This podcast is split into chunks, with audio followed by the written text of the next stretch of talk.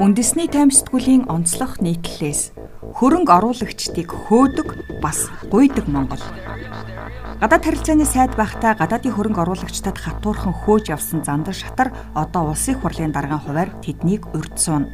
Тэрээр 2012 оны улсын хурлын сонгуулийн өмнө гадаад харилцааны сайдаар ажиллаж байхдаа стратегийн ач холбогдолтой салбарт гадаадын хөрөнгө оруулалтыг зохицуулах тухай хуулийг батлуулж байлаа. Уг хуулийн дагуу эрдэс баялаг, банк санхүү, хэвлэл мэдээлэл, харилцаа холбооны салбарт гадаадаас хөрөнгө оруулалт хийх тохиолдолд тавих шалгуурыг нь өндөрсгсөн юм. Яг үнэндээ энэ хууль нь уулуурхаан салбарт хөрөнгө оруулагчдад зориулсан популист шинжтэй хууль байсан. Энэ шинж чанар нь тухайн үедээ эрх хоригчдын улсын хурлын сонгуулийн үйл ажиллагаанд нь яв цав нийцэж байлаа. Учир нь Монгол улсын эдийн засаг түүхэнд байгаагүйгээр буюу 17% өсөлт үзүүлж одорч явсан цаг. Экспортын гол түүхийдүүдийн ханшийн өсөлт нь улс төрчдөд үргэлж тийм байх юм шиг сэтгэл төрүүлж гадаадын хөрөнгө оруулагчид хэрэггүй мэтэр авирлаж байлаа. Олон нийтийн хувьд ч гадаадын хөрөнгө оруулагчид шиг луурчид байгаагүй.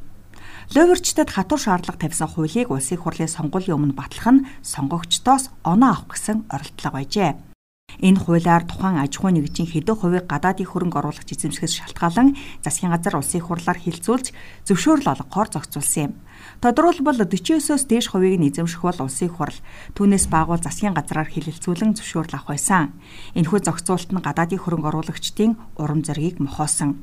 Уг хуулийг хэрэгжүүлснээр гадаадын хөрөнгө оруулагчид өргөж эхлэхээс гадна экспортын түүхийдүүдийн ханш унж таарсан. Ингэснээр ам долларын ханш үсч төгрөг сулрах, эдийн засагт шаардлагатай хөрөнгө оруулалт хомсдох гэх мэт эдийн засаг агших сөрөг талууд бий болжээ. Улсын хурал богино хугацаанд алдаа хийсний ухаарч 2013 онд стратеги ач холбогдолтой салбарт гадаадын хөрөнгө оруулалтыг зохицуулах тухай хуулийг хүчингүй болгож гадаадын хөрөнгө оруулалтын тухай хуульд хөрөнгө оруулагчдад тал зассан зохицуулалт оруулсан. Тодруулбал хөрөнгө оруулагчид хүсвэл татврын орчноо тогтворжуулж болно гэсэн агуулгатай өөрчлөлт оруулсан юм. Гэвч энэхүү зохицуулалт нь нэгэнт үргээд утсан хөрөнгө оруулагчдыг сонирхлыг татаагүй. Түүхийн эдийн ханш унсан ч үүнд нөлөөлсөн биз. Мөн эдийн засагчид шинэ хуулиас сурталчлах ажлаа муу хийсэн гэж үздэг. Гадаадын хөрөнгө оруулалтыг татдаг гол салбар бол уул уурхай. Уул уурхаан салбар руу гадны хөрөнгө оруулагчид мөнгө хийх сонирхолтой байсан нь хоёр шалтгаантай. Нэгдүгээрт манай улс уул уурхаан түүхийн эдийн гол хэрэглэгч бүгд найрамдах хятад ард улстай ойрхон. Нөгөө нь ашигт малтамлын тусгай зөвшөөрлийг хин дуртай цуцлаад байдгүй хууль эрх зүйн орчинтай байлаа. 2017 оны хүртэл лиценз цуцлах тохиолдолд заавал шүүхээр ордог хамгаалттай байсан мөн ашиглалтын лиценз эзэмшигч компани дампуурлаа гэхэд лиценз буюу ашигт малтамлыг ашиглах тусгай зөвшөөрөл нь хүчинтэй хിവэр үлддэг байсан. Тийм учраас өөр хөрөнгө оруулагч нэр дээрээ шилжүүлээд авч болдог байсан юм а. Энэ нь хөрөнгө оруулагчдыг татсан чухал зохицуулт байлаа. Гэвч лицензийн 8 гарлаа гэсэн ганцхан өгүүлбэр хадлгавчлан 2017 онд ашигт малтамлын тусгай зөвшөөрлийг цуслах зохицуултыг хэлбэршүүлсэн явдал нь гадаадын хөрөнгө оруулагчдыг улам үргээсэн.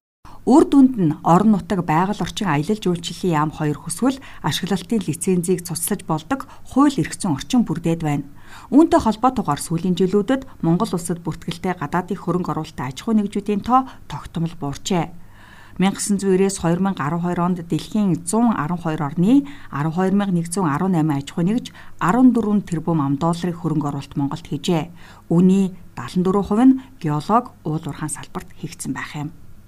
Монголд бүртгэлтэй гадаадын хөрөнгө оруулалтын аж ахуй нэгжүүд 2007 онд 1611, 2011 онд 964, 2012 онд 796, 2019 онд 233, 2020 онд 79, 2021 онд 35 болж буурчээ. Хэдхэн жилийн өмнө хөрөнгө оруулагчдад хатуурхаж явсан манай улс одоо тэднийг ороод ирээч хэмээн гуйж суун.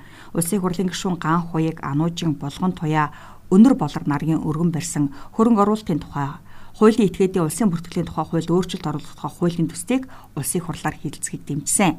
Одоо үйлчилж байгаа хуулиар гадны компани Монгол улсад бизнес эрхлэхийн тулд гадаадын хөрөнгө оруулалтын аж ахуй нэгж эсвэл төлөөлөгчийн газар гэсэн статусын аль нэгийг сонгох хэрэгтэй болдог. Мөн гадаадын хөрөнгө оруулалтын аж ахуй нэгжийн 25-аас доошгүй хувийг гадаадын компани эзэмшсэн байх ба 100 мянган ам доллароос доошгүй хөрөнгө оруулалт хийсэн байхыг шаарддаг. Одоо хилцэж байгаа хуулийн төсөлд энэхүү хөрөнгө оруулалтын босго нь гадаадын хөрөнгө оруулалтаа аж ахуйн нэгж байгуулахад шаардлагагүй байхаар зогсуулжээ.